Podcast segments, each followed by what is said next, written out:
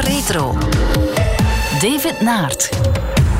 Goedenavond, we dompelen ons op zondagavond op Radio 1 onder in ons uitgebreide sportarchief. En dit uur heeft Rut Joos voor de selectie gezorgd. Goedenavond, Rut. Dag David, goedenavond. Blij jou nog eens samen met mij in de studio te zien zitten. Dat is een tijdje geleden, maar wij hebben inderdaad de gewoonte. Hè? Ja, inderdaad. Een, uh, normaal zouden we dat nu ook weer doen, denk ik. Hè? Rond uh, deze tijd, het EK voetbal, de wedstrijden van de Rode Duivels. Mijn god, mocht de wereld gewoon de wereld zijn gebleven die we kenden de voorbije, ja, ons hele leven lang, dan zaten wij nu inderdaad naar een wedstrijd te kijken ja. um, en, en te genieten van het commentaar van pakweg Peter van den Bemt en zaten wij onder de toren en konden we af en toe stiekem ook even juichen of, of een traantje wegpinken.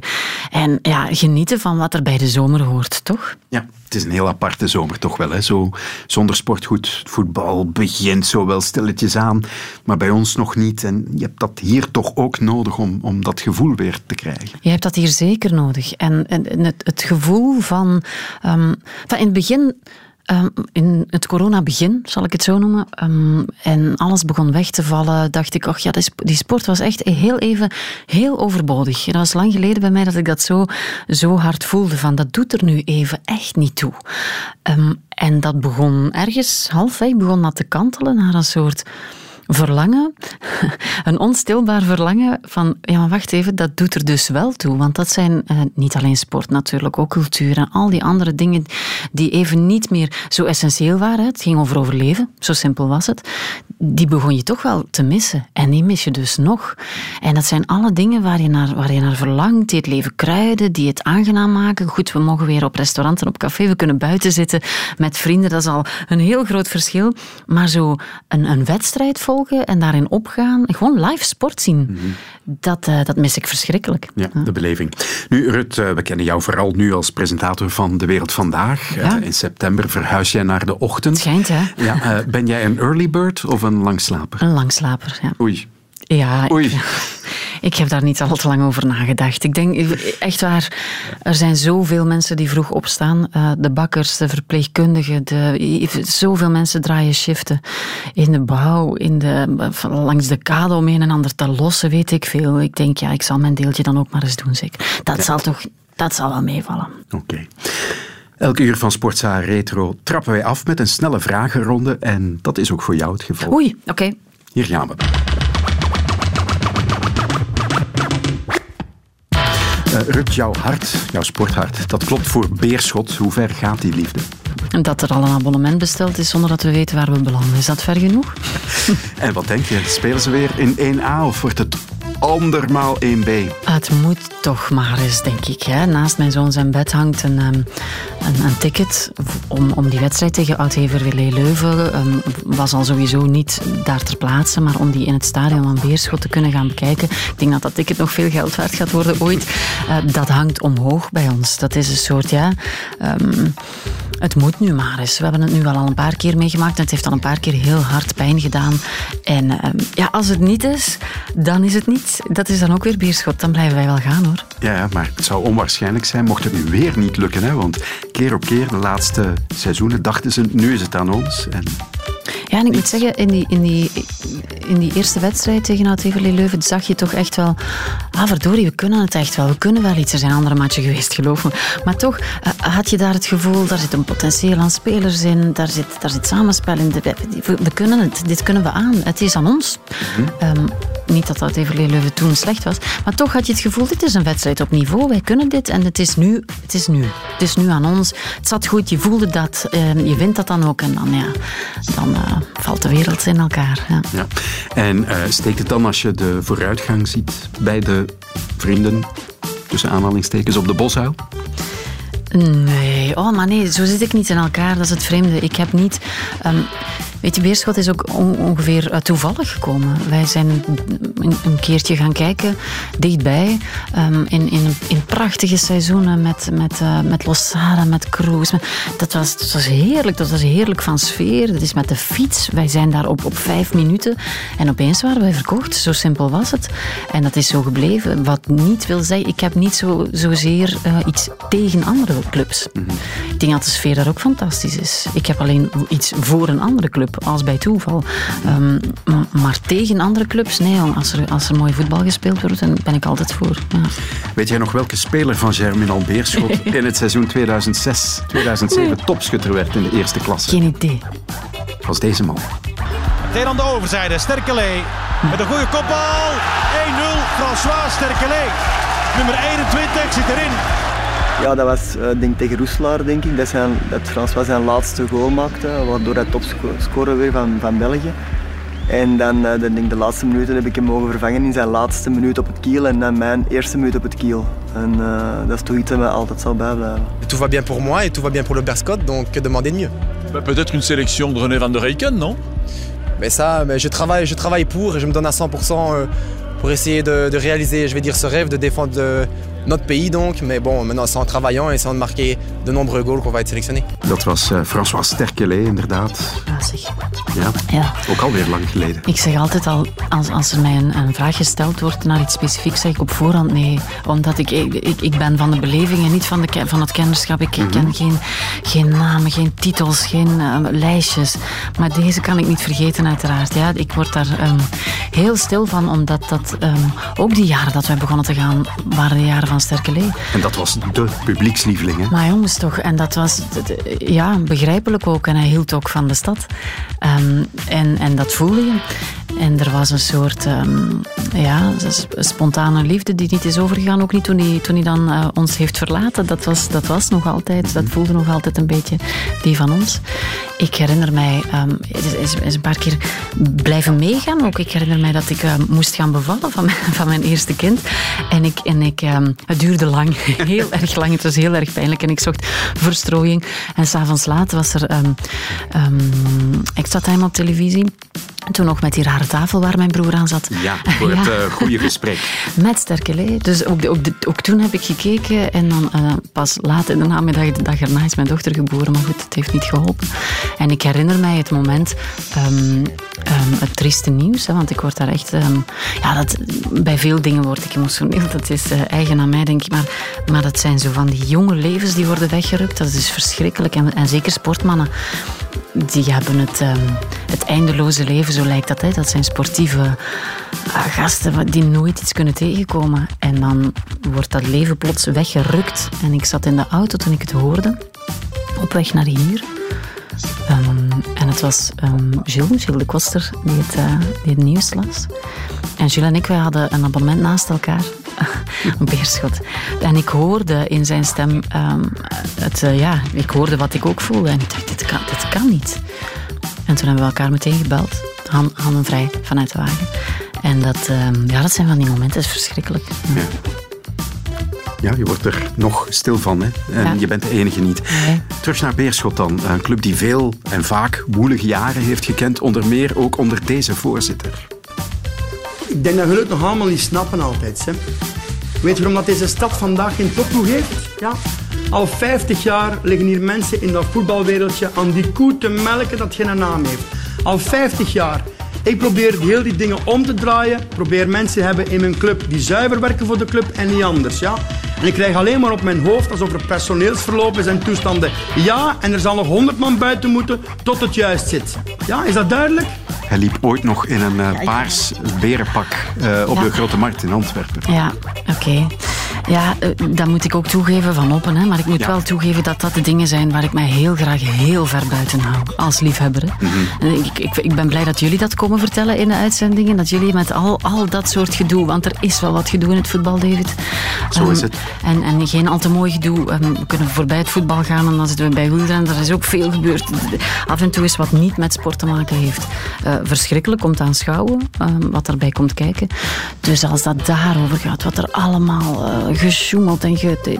Dan denk ik, oké, okay, ik sluit de ogen. En uh, voor mij, uh, ik hoef niet de sportjournalist te zijn. Dat is wel meegenomen, handig meegenomen. Ja. Dat kan ik geloven. nu goed, niet alleen voetbal is jouw ding. Met wielrennen heb jij ook iets. Want mm -hmm. jij en ik hebben hoe vaak samen Sportsatour gepresenteerd? Drie jaar. Ja, slechts drie jaar. Ja, en waarvan twee Armstrong Tours. Ja. ja. En Floyd Landis was de laatste. Ja. En ik weet nog dat we elkaar belden toen die betrapt was. Ja. Kort na het einde van Daar de gaan we weer, zeiden wij. Ja. Wat hebben wij de voorbije drie weken gedaan? Wat, eh, ja, wij waren er ondersteboven van. Ja. Weet ik Ja, heel goed. omdat je dus gewoon ehm, zat te kijken naar iets en daarin opging. En dat te goed probeert te doen, zoals iedereen, denk ik. Eh, achteraf is dat altijd makkelijk gezegd. Hè. Ja, dit of ja, dat. Ja, ja, dat zal allemaal wel. Eh, maar je zit ook te genieten van een sport en van, een- van een soort zomers eh, tourgevoel. En dan voel je je gewoon bedrogen, denk ik. Zoals zo heel, zo heel veel mensen. God ja, Floyd Landis, wat was dat, David? Ja, Ja. met de whisky en wat was Ja. het allemaal. Eh, maar goed, heb jij ja, een favoriete voetbalclub? Dat weten we dus al. Heb je ook een favoriet renner? Nee, Nee. nee, snap ik Oh. niet. Nee. Oké. Jouw broer, je hebt hem al even vermeld zonder zijn naam te noemen. eh Philippe, ex-voetballer. Hoe vaak heb jij hem zien spelen? Ontelbare keren, ja. Van op welke leeftijd ging jij al mee? Eh, Van zodra hij kon lopen, denk ik. Van zodra... ik ben jonger, dus van zodra hij voetbalde. Ja, altijd. Ja. Altijd. Sportza Retro. Rut, jij hebt eh, drie momenten gekozen uit het sportarchief. Het eerste komt uit Rara, voetbal. Een drama op de Mondiale 1990. 1990, dus ik eh, was 14, mag ik nu ook gewoon zeggen. Hè? Dus ik ben van 76, ik was 14 jaar. Dat is een goed jaar, denk ik, om, dat, eh, om, om, om zoiets mee te maken. Ben je ontvankelijk? Je snapt al wat meer dan wanneer je echt een kleinkind bent. Maar je bent nog niet bedoel, heel erg groot. En eh, bij ons thuis was voetbal een feest. De deuren gingen wijd open en dat, wij keken dat nooit alleen. Het waren heel dikwijls eh, vrienden, vrienden van mijn broer ook, die langskwamen. De zetels werden gedraaid. Daar was altijd eten voor iedereen en, en alles was eh, open en vrij en was een soort genieten. Dus voor mij was dat ook altijd een, een, een heel fijn moment. Ehm, dat ging ook over eh, Champions League wedstrijden. Alle grote wedstrijden werden op die manier gevierd. Ook door de week eh, altijd volk in huis. En dat soort momenten, ehm, de EK's en WK's, ik vind dat in een mensenleven, als je daarvan houdt, zijn dat echt zo ankerpunten. Ah, toen zat ik in Leuven te studeren. Ah, toen was ik nog eh, die leeftijd en woonde ik nog thuis. Ah, toen woonde ik al daar. Ah, toen heb ik dat gezien met die vriendengroep. Dat soort momenten. En opeens, net zoals je, een- als je een liedje hoort, dat je je teruggecatapulteerd kan voelen in de tijd en alle emoties opnieuw meemaakt, dat heb ik met die EK's en WK's. En dit is zo'n emotioneel, ja, een emotioneel moment. Het was geen vrolijk moment. Nee, België-Engeland voor alle duidelijkheid. Dat was dat drama Wat was de achtste finales, eh, de 119e minuut? Ja, we waren eigenlijk al klaar voor die penalties. Hè? Ja, en toen kwam David Platt. Ja. Zullen we eens luisteren? Ja, ik weet niet. Oké dan, als het moet.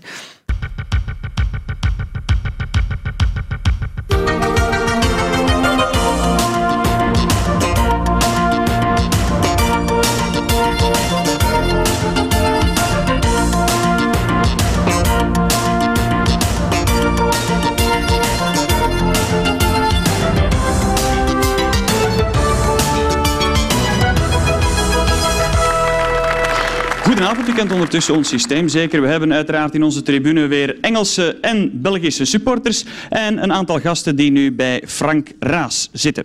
En die gasten dat zijn Walter Grootaars, die gewoon eens graag op tv kwam en een ongelukkige jeugd heeft gehad. en Ben Krabbe, de laatste supporter van het Nederlandse Oranje team. En straks verwachten we ook nog Koen Wouters. Die zit op dit moment ergens op de snelweg tussen Hilversum en Brussel, hopelijk op het rechter rijvak. Hij is de beste van mijlen ver.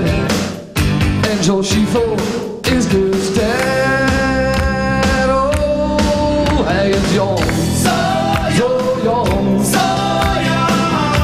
En al zes jaar erbij. Ehm, mag ik even aan eh, een van onze Engelse supporters vragen? eh, what do the English supporters eh, expect from the match?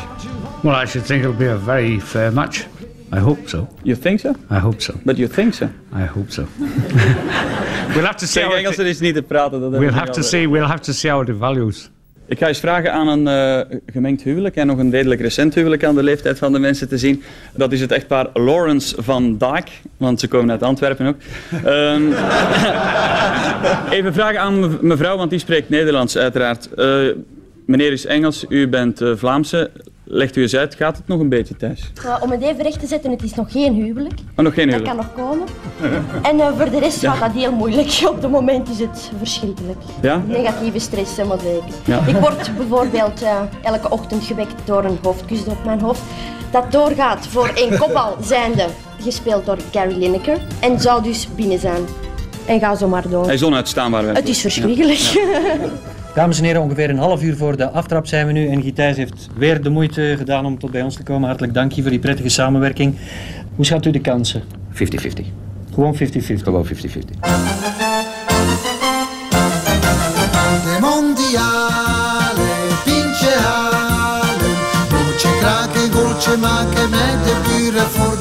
De mondiale Ben je nerveus als supporter? Ik ben, ja, ik heb kribbels. Ik ben nerveuzer nu dan, dan, dan voor een optreden of zo. Allee. Ja. Walter?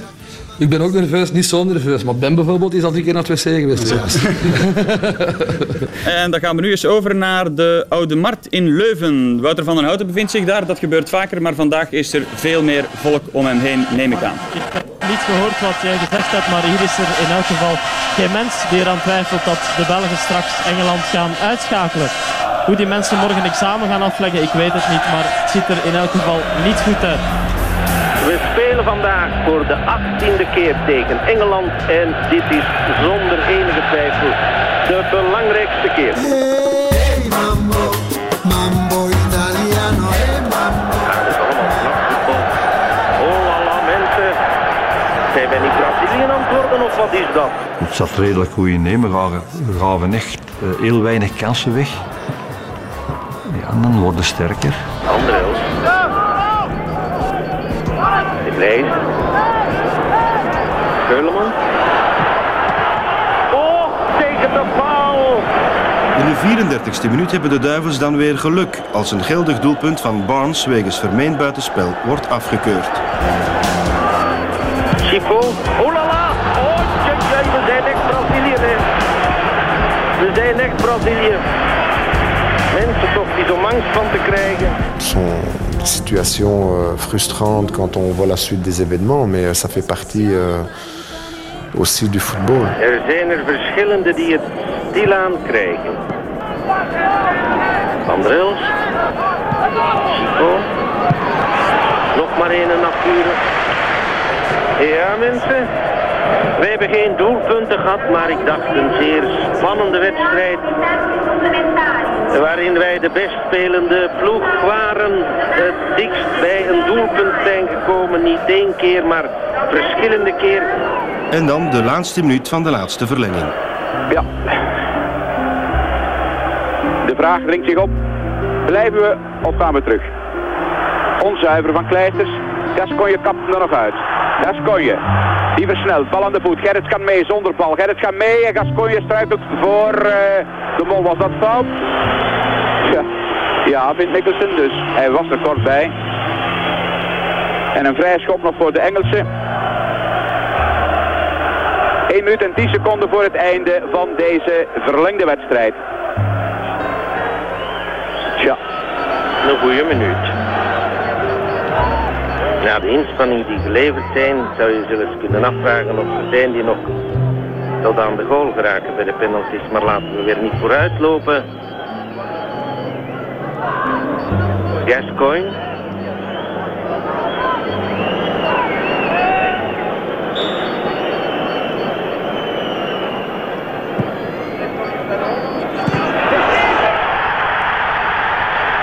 Voilà.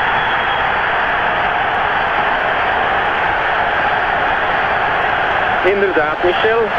Een pracht van een goal. David Platt, dacht ik. Ja, ja, David Platt. En net op het moment dat het eh, onherstelbaar is. We zijn Brazilië vandaag. Maar we moeten niet blozen. En daar gaan ze één voor één. Kleisters. Gruun. Nico Klaassen, nota bene met een Engels shirt. Michel de Wolf. Patrick Vervoort. Jan Keulemans. Enzo Schifo. Mark de Grijze. Stefan de Mol. Het fatum van Bologna. Gitijs, een afscheid in schoonheid van de wereldbeker, maar wel erg triest. Wel ja, echt triest. Eh, het is natuurlijk eh, altijd eh, spijtig van een wedstrijd te verliezen. Die je werkelijk op zulke manier tijdens 120 minuten gedomineerd en in handen hebt gehad. En dan toch in eenmaal dat doelpunt. Maar ja, dat is nu eenmaal voetbal. De Brazilianen hebben het meegemaakt tegen Argentinië. Wij maken het mee. Ik kan mij er nog gemakkelijk over zetten. Bedankt voor het kijken. Nog een goede avond. Het is het einde van de wereld niet, dames en heren. Het is zelfs het einde van de wereldbeker niet. We gaan eens horen bij onze mensen, want hier is redelijk emotioneel gereageerd.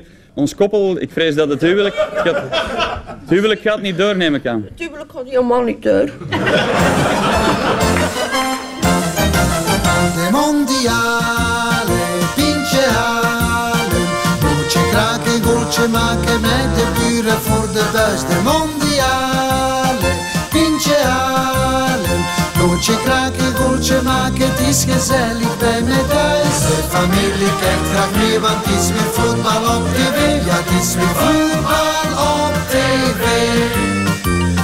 Ja, en zo eindigde de Mondiale in 1990 voor de Rode Duivels. Wat een afknapper was dat. En je wilde het opnieuw niet horen, hè? Ja, maar toen, toen die vrije trap ging genomen worden. Ja, met een twijfelachtige fout. Was dat wel Ja, een fout ja. waarop die vrije trap volgt? Hè? Dat kan je ook al eh, afvragen. Ja, zeer goed gedaan van David Blatt. Fabelachtig binnengetrapt volley. Ik weet dat allemaal wel, maar dat gezicht van David Blatt, dat zie ik dus nog zo voor me. Omdat dan, ja, als kind, alles, alles valt in duigen.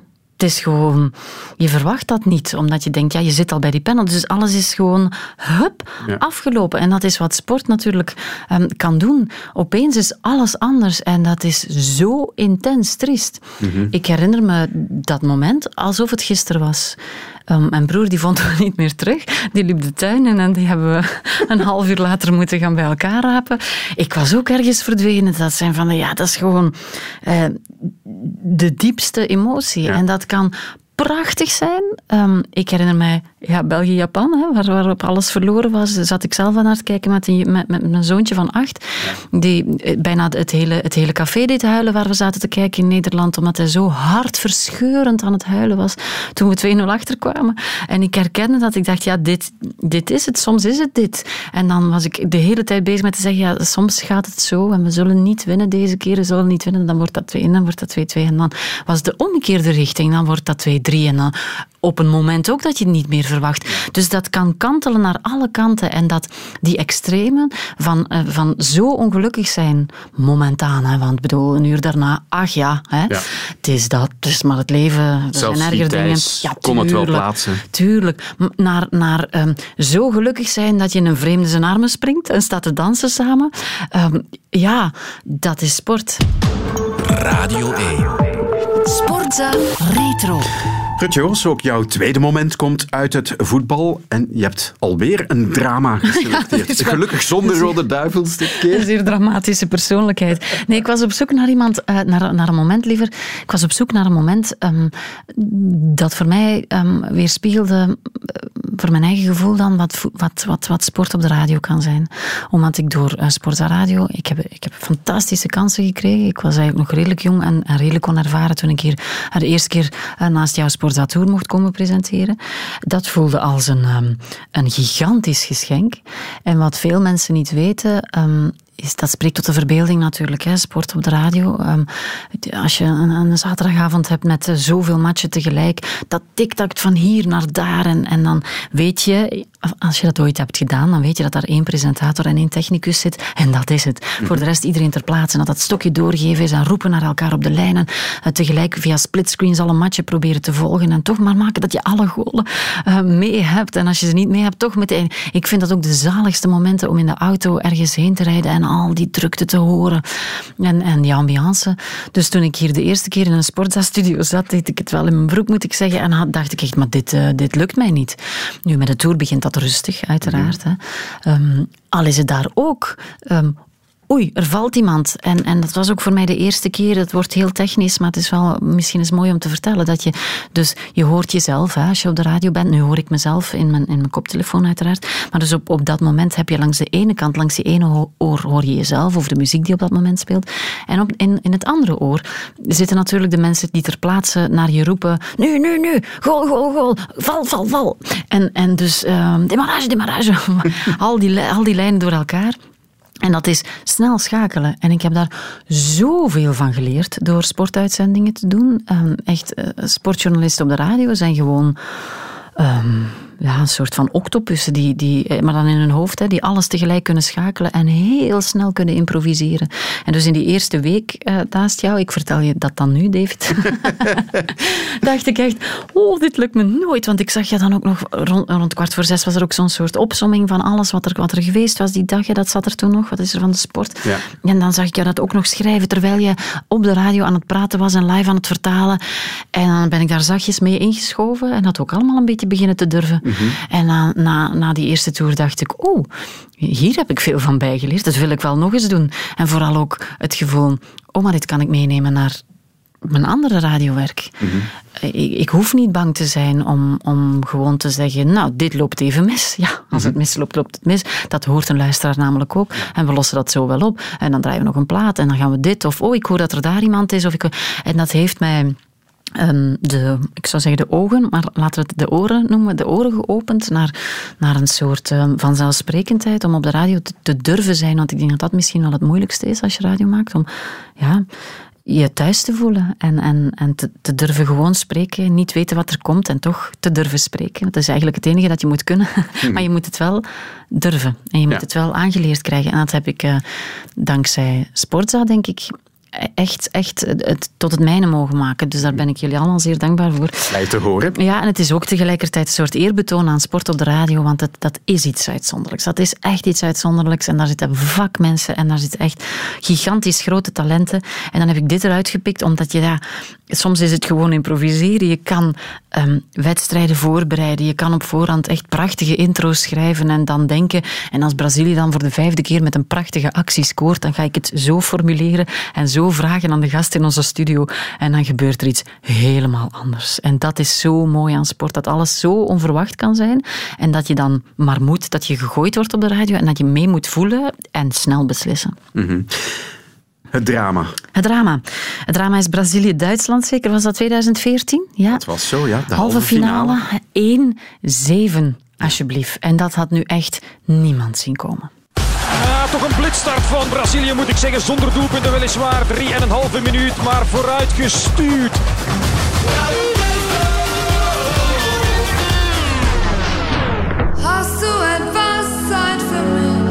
Daar is de bal van Kroos. En daar de goal van Muller. Schuss und Tor!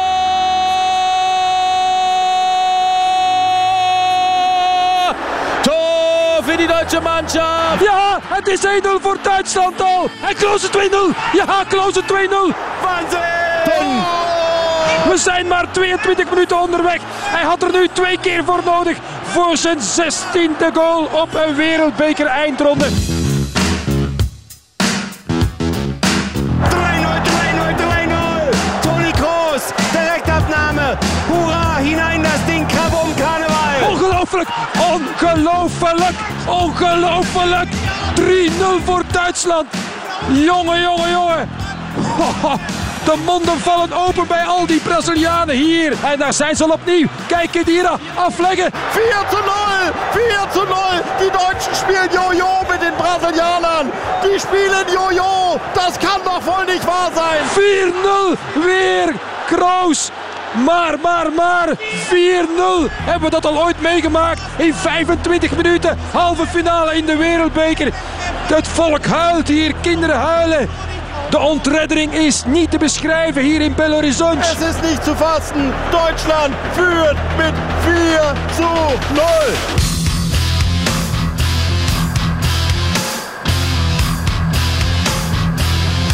Kedira voor 5-0. Der schießt Tor!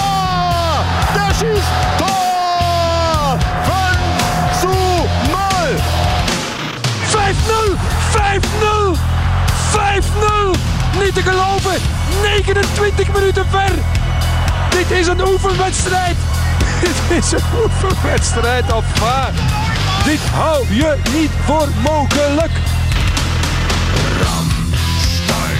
Over 100 jaar spreken ze er nog over.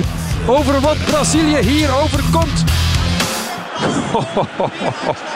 6-0. Het is onwezenlijk, onwaarschijnlijk en ongelooflijk wat we hier hebben meegemaakt. En het is omdat we er zitten op te kijken dat we het echt kunnen geloven dat het is gebeurd. 7-0 is het ondertussen. Schurle met een fenomenale trap. Gol da Alemanha! O que, que eu vou dizer, né? 7 a 0. Imagine, Luiz Felipe Scolari, imagine 7 a 0. Tu, Filipão. Wel, wel, wel, wel, wel. Was ist denn los hier? Was los sein, heute groß sein, heute wenn das Spiel beginnt. Seht, wie sie sich drängen, oben auf den Rängen, es ist wahr, wer wagt, gewinnt. Well, I never thought I'd be doing a Blasel at this World Cup about um, not just a defeat for the uh, host nation, but um, a humiliation for the host nation uh, as Germany beat Brazil by seven goals uh, to one, and that one was a late consolation. Um, it was, I think, quite possibly the most extraordinary uh, night's football that I've ever witnessed in the sense that um, it was a result that you could never possibly imagine in a million years. Brazil are being humiliated, humbled, and taken apart, and their supporters simply cannot believe what they have seen. Eu só queria poder dar alegria ao meu povo. A minha gente que sofre tanto já com inúmeras coisas. We knew we could lose, but not for this score. It was really, we have no words for that. The worst thing I've ever seen. Like the national team is, this is a shame for us, you know. And that picture is on the big screen in the stadium. Booed every time the camera picks him out on the bench. Desculpa a todo mundo. Desculpa todos os brasileiros. Só queria ver meu povo sorrindo.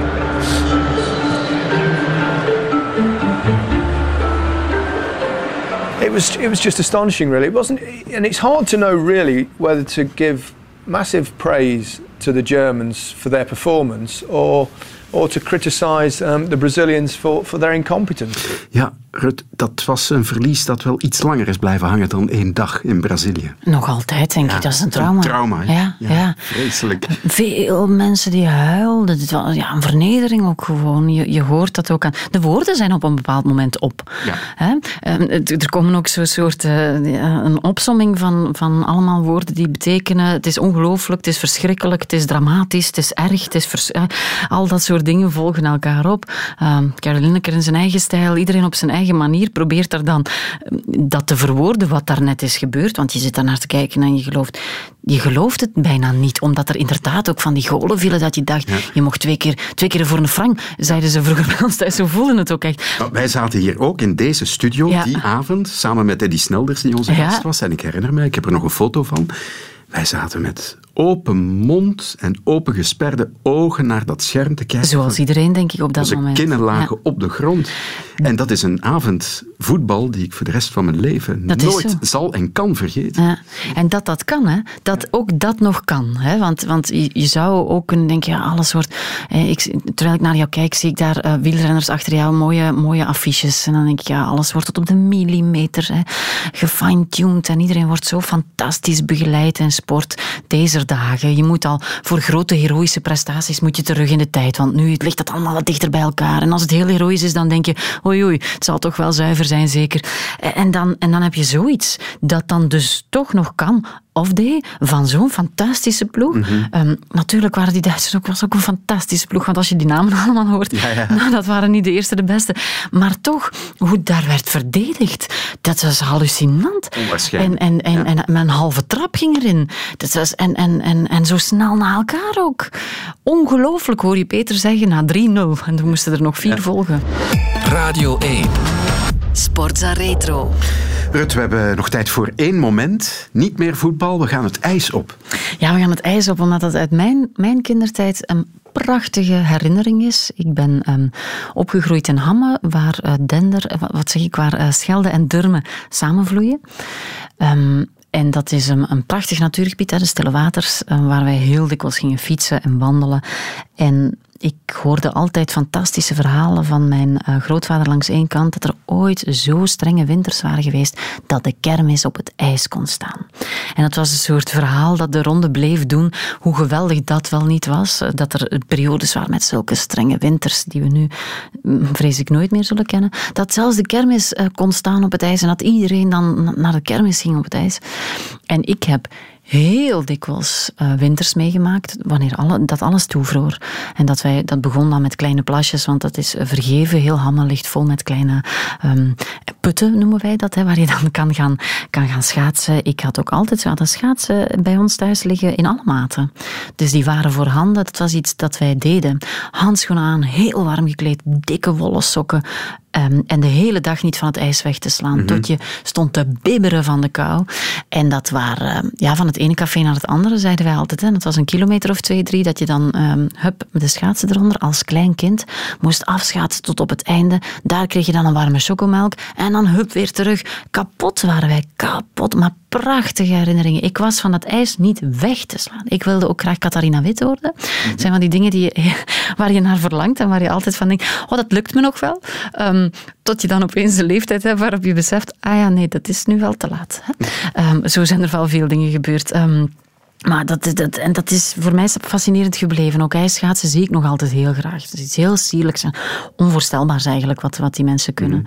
En dus heb ik een, een fragment gekozen dat, dat, ja, dat tot onze collectieve verbeelding spreekt. eh, Denk ik, wegens zo dichtbij, de Elfstedentocht die, we in, die ik in mijn kindertijd in elk geval, ik zal een jaar of tien geweest zijn, een paar keer heb meegemaakt. En daarna ja, nog één keer en dan niet meer. Ja, inderdaad. In de jaren 80 was het eh, Ja. 5 en 86 en dan de laatste keer in 97. Ja, en nu? Ja. Zullen, we het, zullen we het ooit nog meemaken? Ik vrees ervoor. Mhm. Terug maar naar de jaren 80, toch? Ja. Wat heet koud en hoe hard moet het winteren voor de Elfstedentocht plaatsvindt? Dat is de vraag die heel Nederland op dit moment bezighoudt. Want het bestuur van de Friese Elfsteden heeft vanmiddag de 13e Elfstedentocht, die voor volgende woensdag was gepland, opnieuw uitgesteld.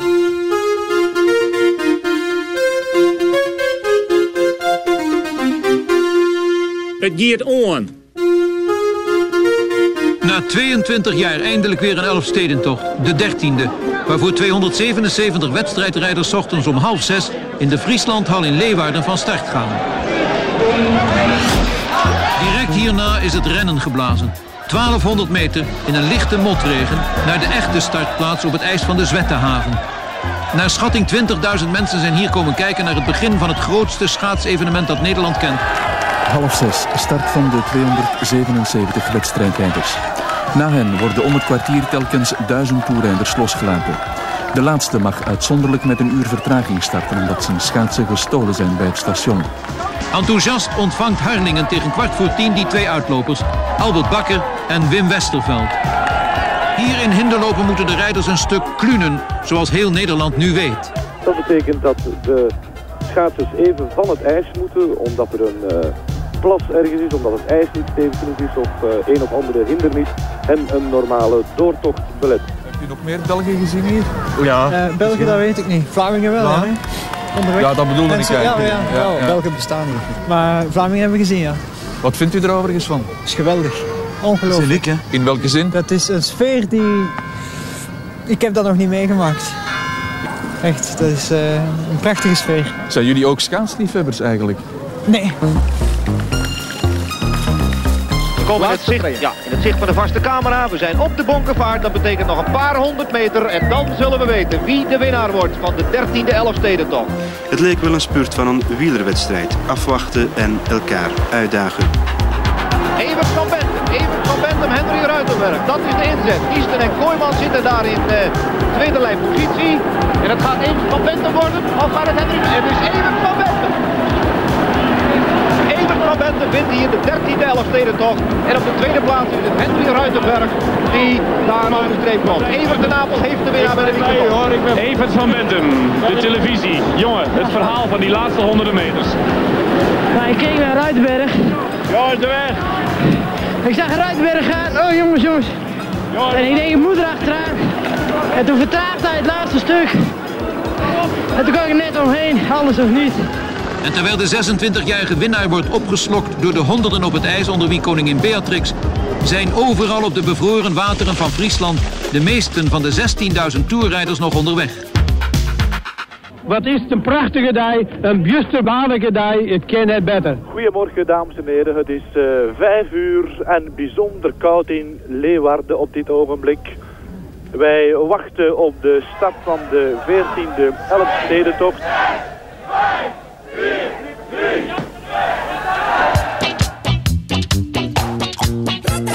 We zijn op het ogenblik 400 meter onderweg. En de leider in de wedstrijd is Evert van Bentum.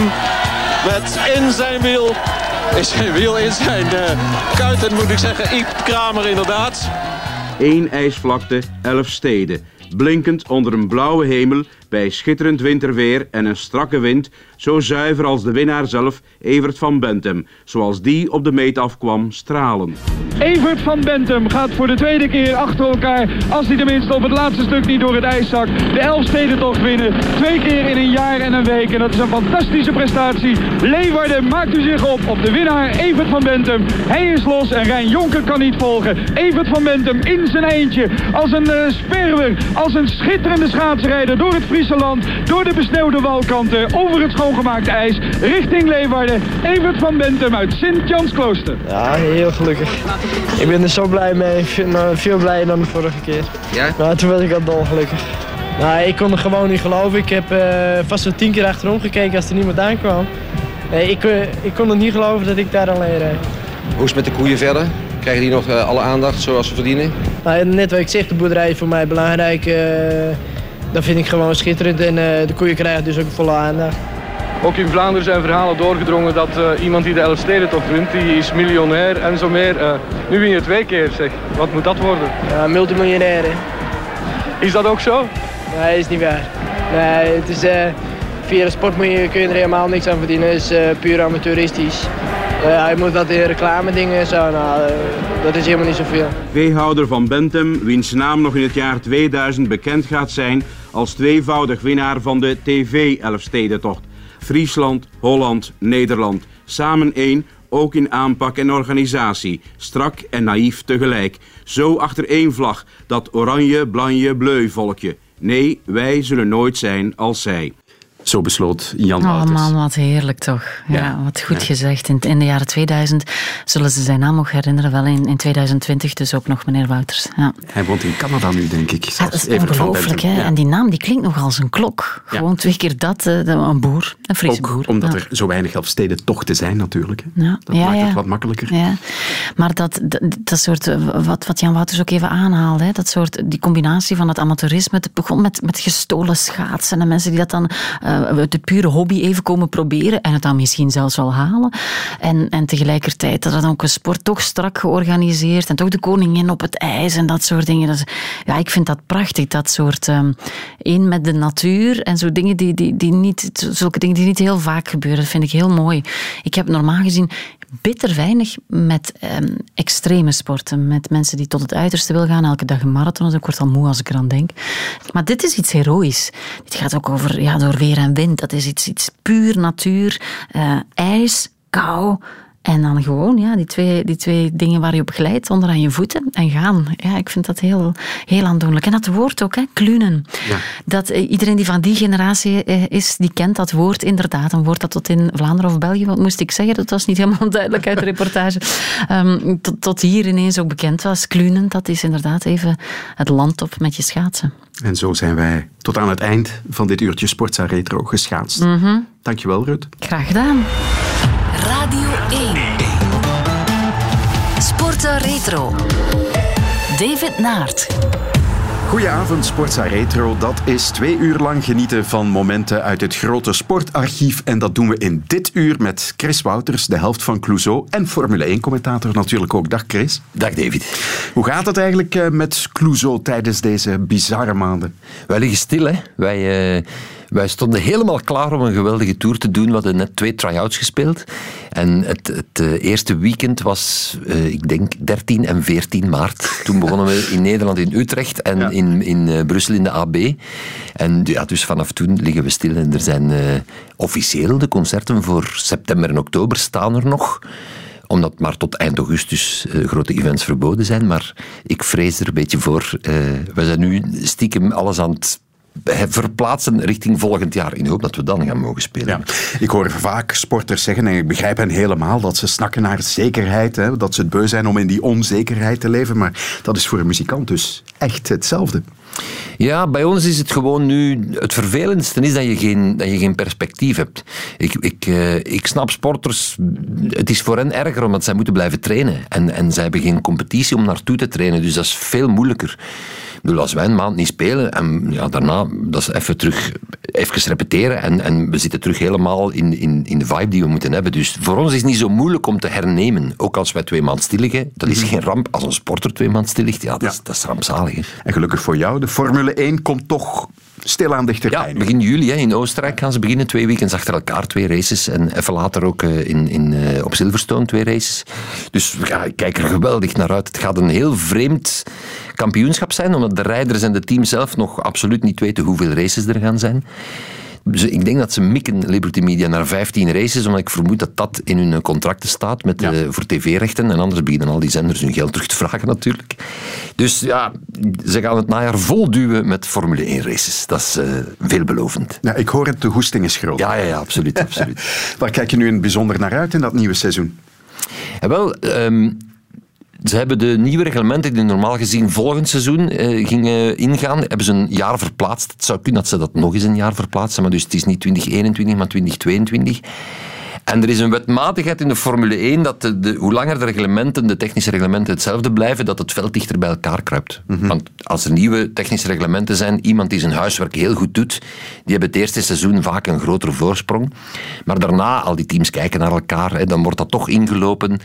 Um, bijvoorbeeld Mercedes, die met een fantastische uh, power unit zit, ja, daar zit gewoon minder rek op. En, en pakweg Renault of Honda, die hadden misschien nog, weet ik veel, 40, 50 pk te vinden. En die hebben nu de tijd ook om dat te vinden. Terwijl voor Mercedes is het moeilijk om nog eens 50 pk extra uit die motor te puren. Mm -hmm. Dus in principe komt het veld dichter bij elkaar. En dat kan de Formule 1 altijd wel gebruiken. Oh, ja. Wat meer spankracht, want ja. daarom breekt het toch te vaak aan. Ja, dat wordt vaak gezegd door, maar... Als ik... Toch, als je kijkt naar de eindstand zo van dat wereldkampioenschap, dan, dan verbaas ik me toch altijd weer dat dat overwicht van Mercedes er altijd weer was. Ja, sinds het hybride tijdperk zeker. Hè. Ja. Maar eigenlijk ervoor was dat ook zo. Hè. Ik, ik, herinner me uh, Senna Prost bij McLaren. Die hebben op één na alle races van het seizoen gewonnen. Dan was er gelukkig twee strijd tussen ja. hen. Maar uh, Red Bull, vier titels van Vettel. Dat was ook met, met ja, ik kan niet zeggen vingers in de neus. Maar dan de, de, de Ferrari-periode met Schumacher. Ja, het is altijd zo geweest dat er één team echt domineerde. hoor. Oké, okay, maar laten we hopen dat er twee of wie weet drie ja. het echt onder elkaar kunnen uitvechten in dat uh, wat ingekorte wereldkampioenschap van 2020. Chris, zo dadelijk mag jij enkele sporthoogtepunten kiezen uit het archief, maar eerst zoals bij elke gast in Sportza Retro hebben we voor jou een snelle vragenronde. Chris, jij bent uh, altijd heel sportief geweest. Wat was de eerste sport die jij beoefende? Dat moet turnen geweest zijn. Turnen? Ja. Ja, ik was, ik... In, een club of op school? Of? Ja, dat is via het school gebeurd en dan zo in de, in de, in de, turn, de turnkring van Sint-Ignatius-Rode. En ik heb ooit meegedaan aan een Brabants kampioenschap. En, houd u vast, daar was ik de beste op het paard. Ken je zo, een paard niet voor over te springen, maar zo met die twee uh, dingen ja. daarop. En dan moet je zo met je benen zwaaien. Ja. Ik vond dat eigenlijk makkelijk. Dus ik had daar geen moeite mee. En de ringen, dat ging ook een beetje, al de rest trok op niet veel. En dus heb je turnen toch maar vaarwel gezegd? Ja, ja, ik vond dat wel heel leuk om te doen. Maar op een gegeven moment, ik was dan 12 of zo, dan begon ik me ineens te realiseren wat er allemaal mis kon gaan. En, en toen was het plots gedaan met turnen. Dan ben ik maar gaan voetballen, zoals, Zoals iedereen. Zoals iedereen, maar daar was ik ook niet echt goed in. En dan heb ik op school volleybal ontdekt. En ja, dan was het hek van de dam, dat is altijd mijn sport gebleven. Want dat heb je ook in clubverband gespeeld. Dat speel ik nog steeds in clubverband. Ik begin eh, ehm, Op je ja, is, in september begin ik aan mijn 38ste seizoen. Als een hoeveeljarige? Eh 56 straks, ja. En wat maakt volleybal zo speciaal? Dat is de beste sport van de wereld, David. Leg eens uit waarom. En wel, je- het is natuurlijk een, een, om te beginnen een, een, eh, een ploegsport, wat ik al leuk vind. Individueel sporten is ook fijn hoor. En ik beeld me in, als je, als je Fred de Burggraven bent en je zwemt sneller dan eender wie anders, dat is leuk. Maar dan denk ik ook, wat een onwaarschijnlijk werk zit daarin om elke ochtend alleen die baantjes te moeten gaan trekken. Daar knapte hij ook op af, hè, op den duur. Ja, maar daar moet je echt respect voor hebben. Hè. Dat, is, dat is hallucinant. hè. En in ploeg, ja, dan moet je samen iets doen. Dat vind ik altijd leuker. Ik speel ook in een band. Ik ben geen soloartiest. Dus samen is gewoon altijd leuker. En volleybal is zowel technisch als fysiek als... als ja, qua sport het is het is een heel complete sport. Op topniveau is het bijzonder, bijzonder moeilijk en ingewikkeld. Je moet er intelligent voor zijn. Ik, ik kan er topwedstrijden gaan kijken, daar kan ik enorm van genieten. Ehm, het volleybal heeft maar één probleem, dat is precies wat ik zeg. Namelijk op topniveau is het echt moeilijk. Je moet echt aan een specialist zijn in de sport om het heel hard te appreciëren. Een, een blokker die een situatie ziet en even 10 centimeter opschuift en daardoor het punt kan maken. Als je het volleybal niet echt goed kent, dan heb je dat niet gezien. Dan zie je enkel een, een aanvaller die afgeblokt wordt. Ja. Weet jij wie de huidige wereldkampioen volleybal is bij de mannen? Godverdomme. Ehm, ik gok Polen. Correct. Ah ja. Wereldkampioen in 2018. En de coach van Polen, dat is deze man. Trzech, trzech elementi. Pierwszy. Dzięki miasto Gdansk, dzięki wolontariusz, dzięki wszystkie. Ja, uh, and dan per organ to organize de la organizacja. Grazie. Dzięki. Drugie. Moje zatodwisi są, no, nie.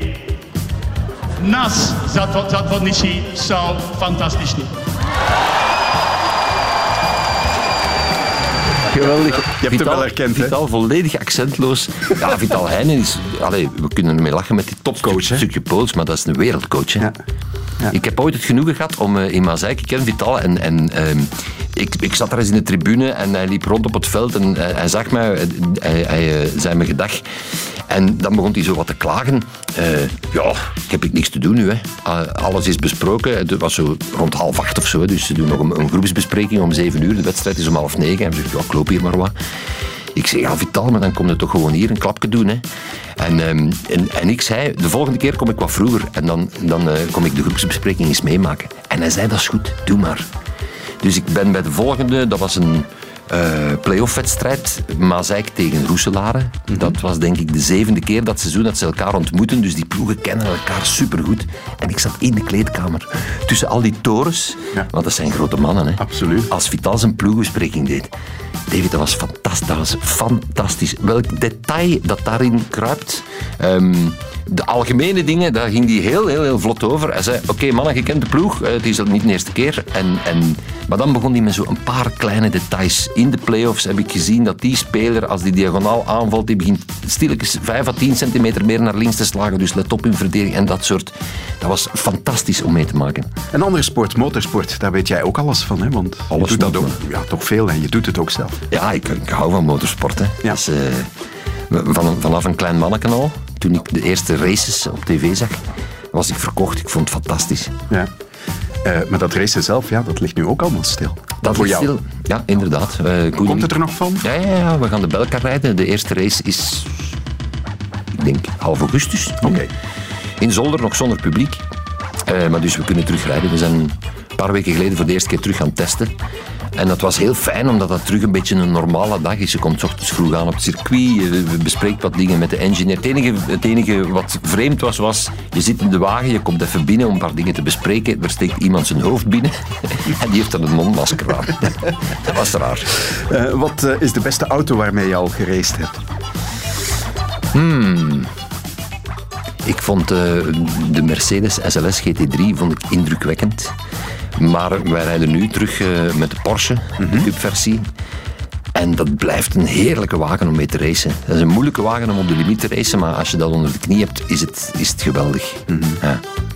Als we aan autosport denken, dan eh horen daar ook uithoudingswedstrijden bij. En dan denkt iedereen hier aan de 24 uur van Le Mans. Eh, weet jij wie die wedstrijd in 1969 voor de eerste keer in zijn carrière won? In 69? Ja. Zal Jackie X geweest zijn? Dat is altijd een juiste gok, als het over eh, Le Mans gaat, denk ik dan. Maar we zullen eens luisteren naar het antwoord. In de middaguren en in de avond en nacht verdwenen steeds meer wagens uit de baan. Het zij door ongelukken of door technische gebreken. Toen het publiek wakker werd na een nacht met weinig slaap, kon het overal langs het traject de resten waarnemen van wat eens snelle of te snelle raceauto's waren. De beslissing viel tenslotte in de laatste drie uur van de wedstrijd. De enig overgebleven Porsche werd na een fel gevecht op de streep door een part verslagen. Een triomf niet alleen voor dit merk, maar zeker ook voor de equipe Jackie X en Jackie Oliver. Ja, in Nederland wordt dat dan Jackie X. Hè. Geweldig. Let op, toen reden ze dus de 24 uur met z'n tweeën. hè. Ja, Kan nu met z'n drieën. Je kan je dat nu niet inbeelden. Slopend. Ja, wij als het in Zolder is, wij zitten allemaal met z'n vier op de wagen. Omdat dat dan ook fysiek hier nog eens een, een veel zwaarder circuit is. Maar in eh, Le Mans nu inderdaad allemaal met z'n drieën. hè. Maar met, met twee, oeh. Vertel eens hoe uitputtend dat is. Je kan dat niet uitleggen. Je kan niet uitleggen aan iemand die niet in een racewagen zit. Omdat mensen denken, ja, ik rijd naar de kust, ik zit een uur in de wagen, dus... Zo, Dat is het probleem eigenlijk. Zo een race van eh, een standaard race in de Belkar duurt twee uur en vijf minuten. Dus je, je, je doet elk een stint van een uur. Geen probleem, hè. Maar het is, het is op de limiet fysiek gewoon heel zwaar. Het is een heel mooie reden ook om gemotiveerd te blijven, om in vorm te zijn. En om te gaan lopen en fietsen als het nodig is.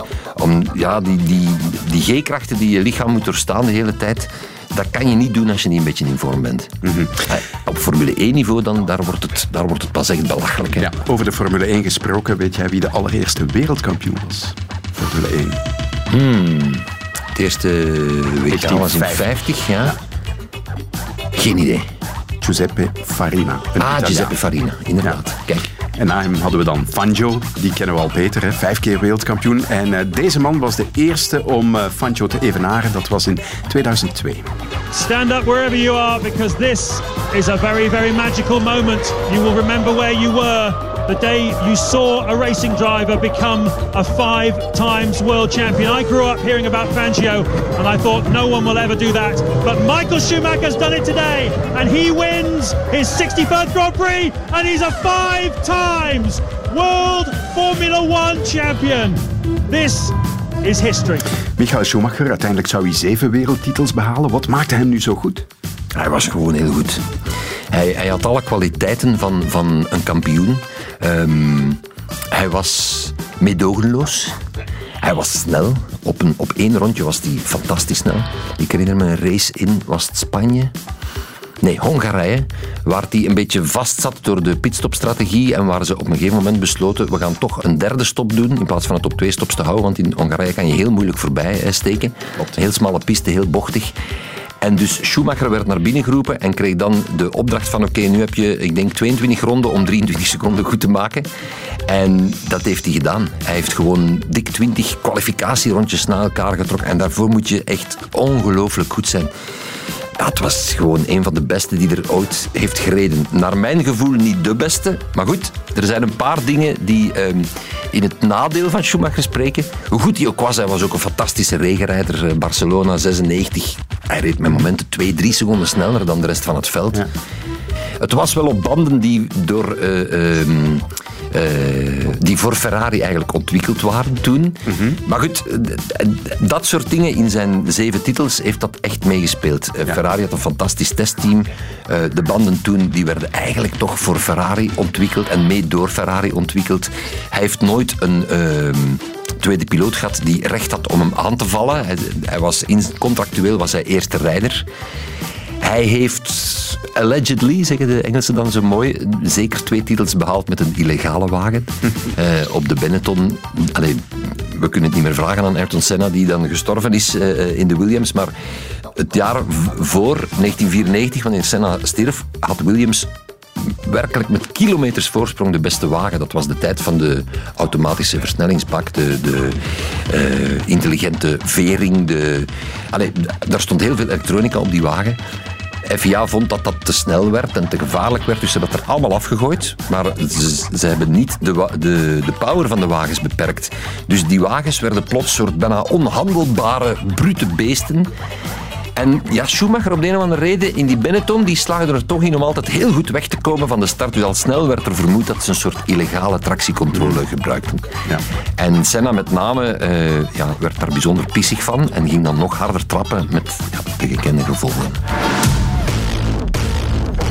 Sportza Retro. We hebben al wat eh, archieffragmentjes gehoord in de snelle vragenronde, maar nu, Chris, gaan we eens luisteren naar jouw keuzes uit het grote sportarchief. En de Formule 1 kan er natuurlijk niet in ontbreken.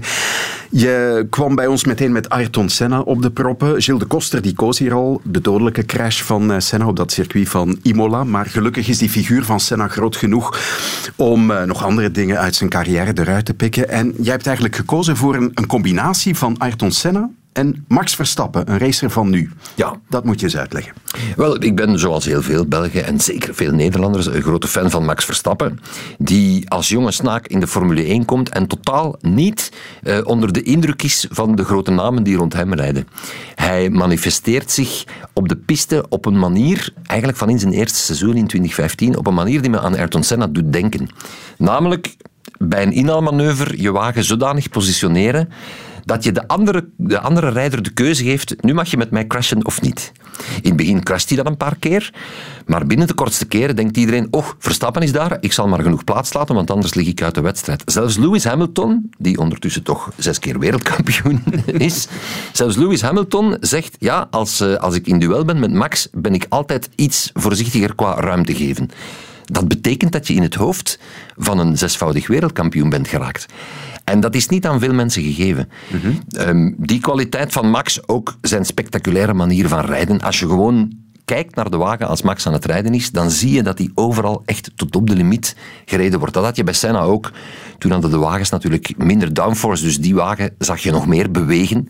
Maar bij Max, zeker als je de autosport goed volgt, dan zie je gewoon dat hij echt overal een soort natuurlijk gevoel heeft voor wat is de limiet en hoe kan ik daar net over gaan.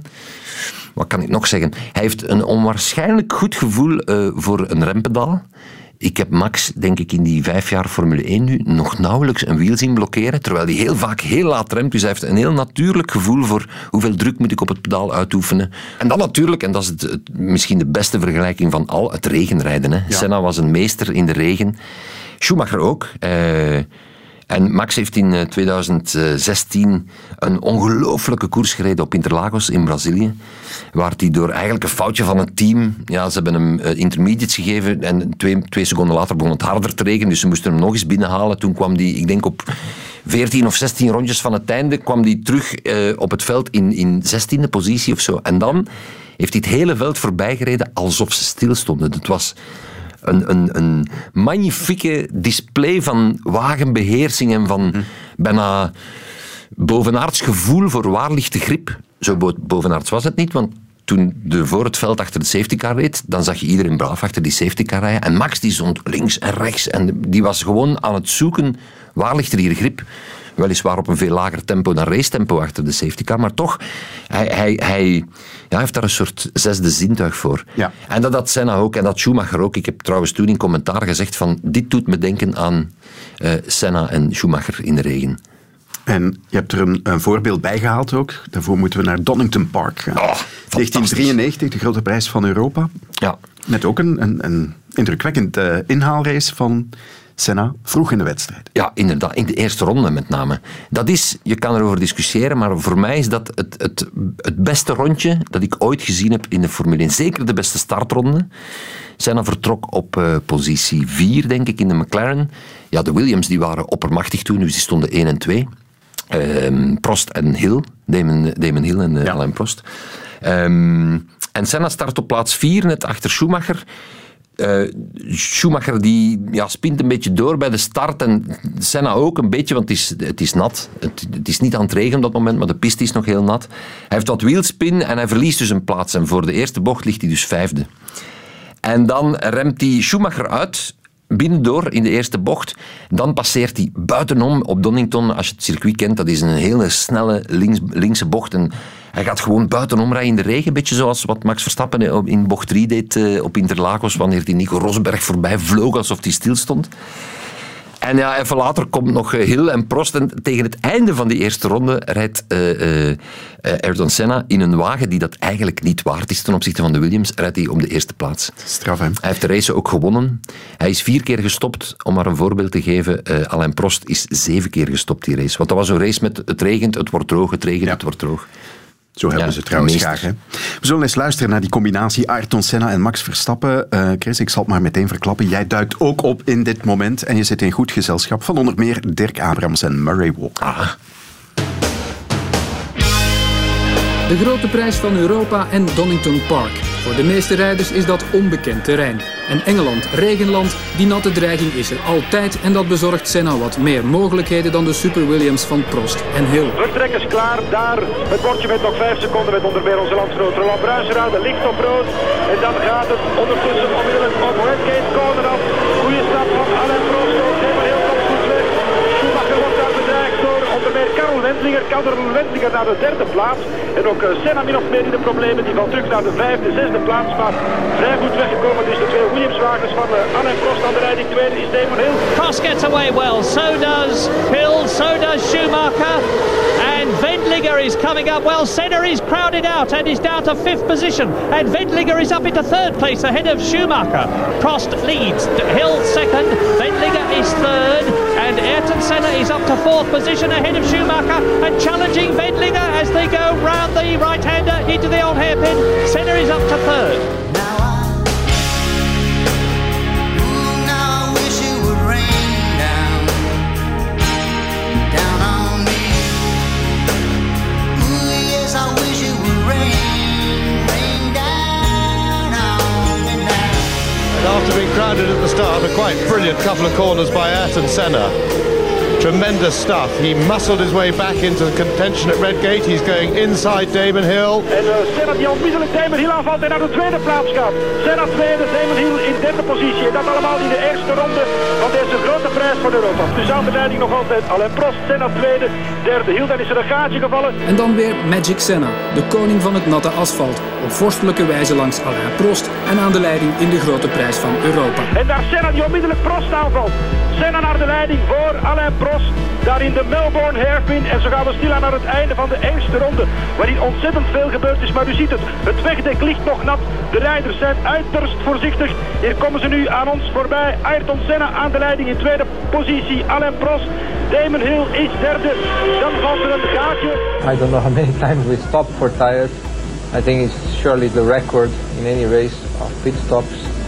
Uh, driving with slicks in damp and really slippery conditions was was tremendous, tremendous effort because uh, you just don't get the feeling from the car and you have to commit yourself to certain corners and, and you just can be off. But Damon Hill, second for Williams. So here is Ayrton Senna across the line, victory for the Brazilian for the 38th time. The conditions may, be, may have deteriorated, but it was in conditions like this that Ayrton Senna won his first Grand Prix for Lotus in Portugal in 1985. I've done it, he says. Out comes the fist of victory. And Senna has got another 10 World Championship points. And a really masterly race from Ayrton Senna. He won that entirely by his own individual brilliance and the timing of the stops, his uh, master tactical things. He's looking for the Brazilian flag. Conditions like this is gambling and he's taking chances that, what- that pays off. And I think we gambled good and we got the result. Laat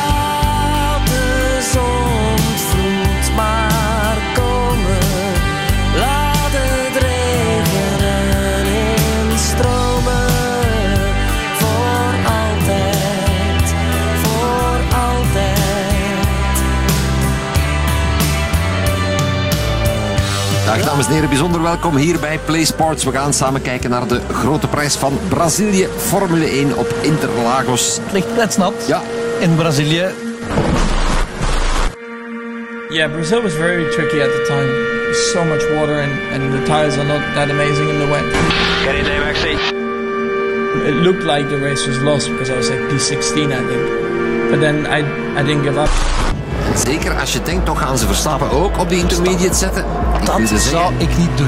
Ik wilde Maar- zeggen, zeker als je weet dat het over een paar minuten terug harder gaat, beginnen regenen. Dit snap ik niet hoor. Stap komt binnen. Einde van de zegenkansen, podiumkansen, puntenkansen misschien zelfs. Voor Max Verstappen. Ja, wees maar zeker. Gans het veld hangt achter de safety car. Ja, hij wordt Gaat als, 17. Ja, hij gaat achter Ricciardo buiten komen. Nee, nog veel verder. Ja, gegokt en verloren. Even leek ik niet te leven, zonder reden, radeloos en uitgeteld. Verstappen is Hulkenberg gepasseerd. Gert, sorry dat ik je onderbreek. Dat hebben we niet gezien. Hier wel in de replay. Maar hier is het al meteen gebeurd. Het is echt ongelooflijk, die gast. Kijk eens, kijk eens, kijk eens. Vettel gaat naar buiten. En Verstappen gaat naar binnen. Alsjeblieft. Dat is echt racecraft. Jij geeft me vonken en vuur. En nu zet hij hem naar buiten. Kijk, Vettel hangt in het decor. Ja, ja. En wat laat Max Verstappen hier vandaag allemaal zien? Ja, en dat moet Vettel weten natuurlijk. Go on. Ja, de boy. I was a little bit ahead with my nose and he just pushed me off the Kom. Sebastian, niet zagen.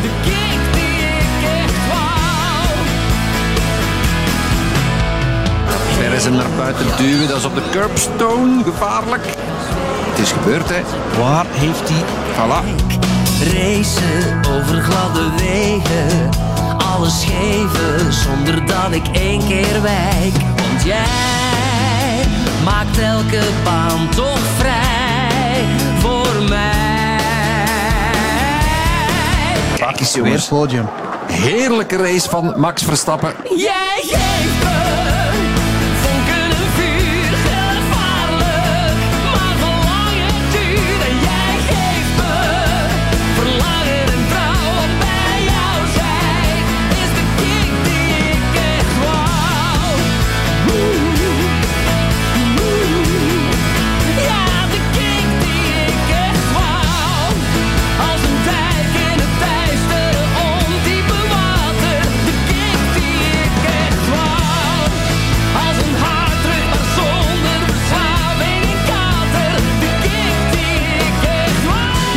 getting excited, weren't you? Uh, you got me a little bit excited. Nice job. We zeggen het nog maar eens, we zijn fan natuurlijk, maar eh, wat hij hier laat zien, dat is toch van een ander niveau dan we al vaak gezien hebben in de Formule 1. Ja, Chris Wouters, jullie tekstschrijver, die heeft ook iets met Formule 1 zo te horen. Uitstekende muziekkeuze, David. Uitstekend. Nee, maar het, was, het, het waren twee ongelooflijke races, allebei. En wat, wat Max daar toen deed, ja... Weet je, aan het begin van zijn eh, carrière, de eerste paar jaar, is er heel veel te doen geweest, omdat hij nogal agressief eh, Mhm. was in, in het aanvallen en in het inhalen. Een beetje Ja. onbesuisd, een beetje ongeduldig soms ook, omdat hij, denk ik, zelf goed weet wat hij kan en wat hij waard is. Maar dan moet je denken, ook Senna toen die aankwam in de Formule 1, die lag ongelooflijk onder vuur, precies omdat hij zo met de ellebogen reed. Schumacher, een lang niet onbesproken eh, wereldkampioen, ook de eerste seizoenen, lag die vaak onder vuur. Max heeft gewoon alle kenmerken van een eh, toekomstig wereldkampioen. Radio 1. Sportza Retro. Met Chris Wouters als mijn gast vanavond. En Chris, jouw tweede archiefmoment komt uit die andere sport die jou erg nauw aan het hart ligt. Volleybal. Ja, volleybal. En Olympische Spelen. Je neemt ons mee naar 2012. Als ik naar de Olympische Spelen ga, wat, wat ik altijd doe, eh, met, met drie vrienden gaan we naar de winter- en de zomerspelen. Hoe lang doen jullie dat al? Eh, eerste keer samen was Beijing in 2008. Ja. En dan eh, Peter, eh, Peter Blanger en, en ik sms'en dan altijd van eh, ben je in de volleybalhal of wanneer ben je in de volleybalhal? En dan kijken we een paar wedstrijden samen. Dus we hebben eens om de vier jaar een eh, staande afspraak. Oké. Ehm, voor jouw archieffragment heb je de Olympische finale bij de mannen in Londen 2012 gekozen. Was je daarbij? Nee, ik heb het bij de halve finales gezien, dus ik heb bij de finalisten zien spelen, maar voor de finales hadden we geen tickets. Ja. Wat maakt die wedstrijd zo speciaal? Het, het is volgens mij de, de, ja, een van de spannendste Olympische finales ooit. Eh, Rusland heeft dus 3-2 gewonnen, maar Brazilië stond 0-2 voor. Het was nog nooit gebeurd in een Olympische volleybalfinale dat iemand eh, terugkwam van een 0-2 achterstand. Het is, denk ik, ja, ook daar kan je weer over discussiëren. Maar ik heb nooit een, een, eh, zo'n straffe ingreep van een coach gezien als tijdens die wedstrijd. Dus wat gebeurt er? Brazilië staat 2-0 voor. En de Russische coach Alekno, die ook eh, Zenit Kazan coacht, die we hier in België al regelmatig hebben zien spelen in de Champions League. Zo die geblokte grote Rus, ex-volleyballer ook, ziet er altijd een beetje kwaad uit, maar ik denk dat hij een hele fijne mens is. Maar die beslist om zijn 2,18 meter lange middenspeler, Buzerski, om die op opposite te zetten. Dus je hebt, eh, ehm, ja, de opposite is eigenlijk de hoofdaanvaller. En hij beslist dus om die middenman, en ja, middenmannen zijn per definitie vaak iets groter en die zijn, die, die zijn dan uitstekend in de korte aanval door het midden en die zijn uitstekend vaak in het blokken. Maar die zijn vaak helemaal niet uitstekend in het aanvallen op de hoek of van achter de drie meter, want die doen dat ook nooit. Maar ja, hij stond 2-0 achter, want moest hij doen. Hij denkt, ik probeer iets. Dus hij zet zijn eh, middenman op opposite. Daardoor geraakt zijn eigen team zelfs een klein beetje uit balans. Want dat, dat betekent natuurlijk van alles qua opstelling. Eh, als de tegenstrever opslaat, hoe, hoe pak je de receptie? Hoe, hoe, hoe ga je daar als team mee om? Zij hadden ook, denk ik, niet echt zo getraind. Maar voor Brazilië was het nog veel moeilijker. Want ja, scouting van die middenman op de hoek, die bestond niet. De scouting van die middenman als opposit, die bestond niet. Dus die hadden in het begin, ja, vinger die kijken wat hij zou doen. Waar moeten ze hun blok positioneren? Waar moeten ze de verdediging positioneren? Het was gewoon... Ja, ze wisten totaal niet wat ze daarmee aan moesten. Die Muzerski heeft in de derde set op zijn en alleen 16 punten gescoord. 16 punten. Dat is echt... Ik, ik sta ernaar te kijken en ik ben, ik ben echt, echt beginnen kraaien van de pret, letterlijk. Omdat hij punt na punt bleef scoren. Ik denk dat- dat hij twee ballen niet rechtstreeks gescoord heeft. Hij heeft ook nog wat verdedigingen gedaan. Die is 2 meter 18. Het is een beetje een, ja, een lange slungel. We moeten daar eerlijk in zijn. Maar dat was zo fantastisch. En de Brazilianen verliezen dan eh, die derde set nadat ze wedstrijdpunten hebben. Ze hebben drie wedstrijdpunten. En ze verliezen hem 29-27. Dus het staat 2-1. En vanaf dan, ja, het is ook een mentaal spelletje natuurlijk, haalt Rusland de bovenhand. En dat was een fantastische, een fantastische wedstrijd. Met ook geweldige volleyballers op het plein. Zelfs Giba, de Braziliaanse legende, is even komen meespelen. Maar je had er Wallace en Bruno, de passeur. En bij Rusland had je, had je ja, ook alleen maar toppers. Ik kijk gewoon heel graag naar topvolleybal. en dat was wel eentje om duimen en, vi- duimen en vingers van af te wikken. We gaan terug naar 2012 en je hoort onder meer de stem van Sammy Nijrink.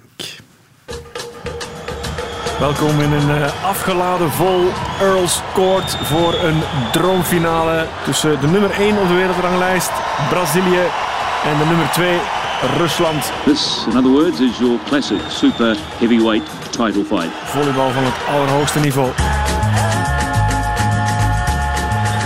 Belangrijke naam bij de Russen, The tallest man on the court will be number 13, Dmitry, Muscherski, middenman van 2 meter 18, 115 kilograms. 115 kilogram. De reus uit Rusland speelt ook mee.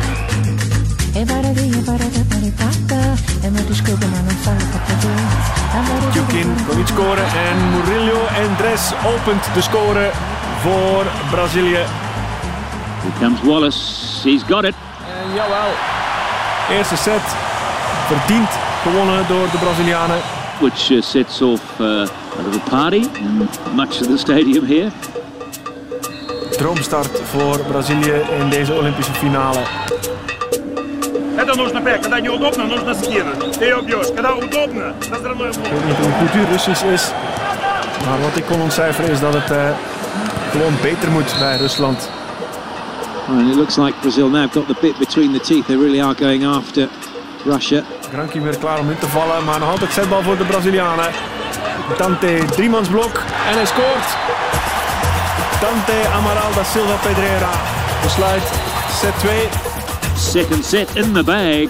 Up by two sets to love. Het Braziliaanse feestje gaat door naar de vrouw gisteren. Nu bijna zeker van goud, ook bij de mannen. 2-0 voorsprong.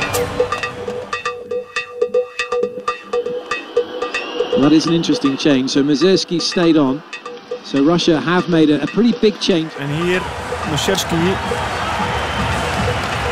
is van eh, middenman opgeschoven naar opposite. third set, when I start to play opposite, first thing I was scared. How I have to play opposite? I played opposite three years ago. And then I thought maybe this is a good idea because nobody knows my playing and uh, I have to use it.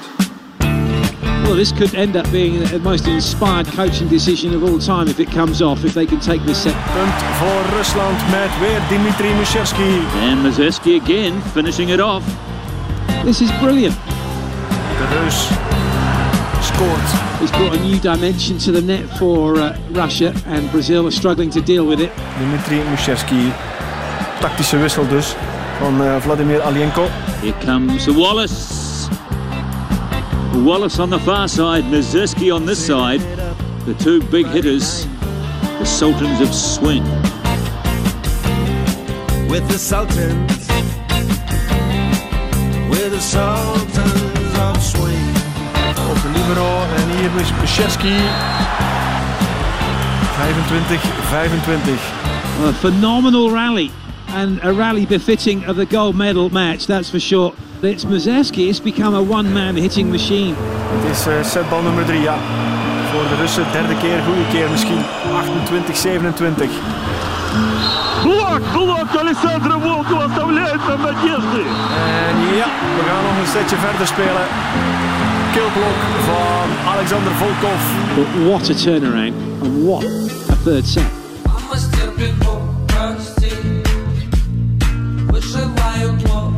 Die herstelt het snelst van die slopende derde set. Felbevochten derde set. It's just starting to uh, fall to pieces for Brazil in this set. Murillo Andres slaat hem uit. We krijgen dus een vijfde en beslissende set. So Russia back-to-back sets in the bank. It's all tied up at two sets all. Ja, Rusland nu helemaal op dreef. Slipping away here for Brazil. Tweede golden medal point voor Rusland. De service is van Wallace. Levantamento do Granquinho, Musnerski. Agora acabou!